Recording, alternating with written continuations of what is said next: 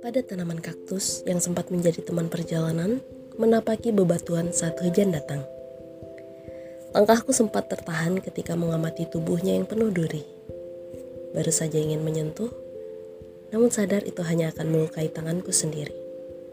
Aku tahu sesuatu yang indah memang tak harus selalu bisa kusentuh dan miliki.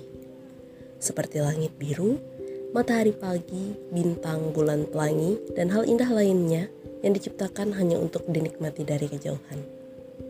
Atau cukup mengambil fotonya untuk membadikan dan tersenyum saat menemukannya kembali di dalam galeri.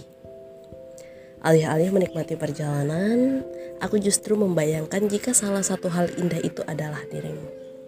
Wah, saat melihatmu dari kejauhan dan mendapatimu baik-baik saja, selalu ada kebahagiaan yang tak mampu kuterjemahkan.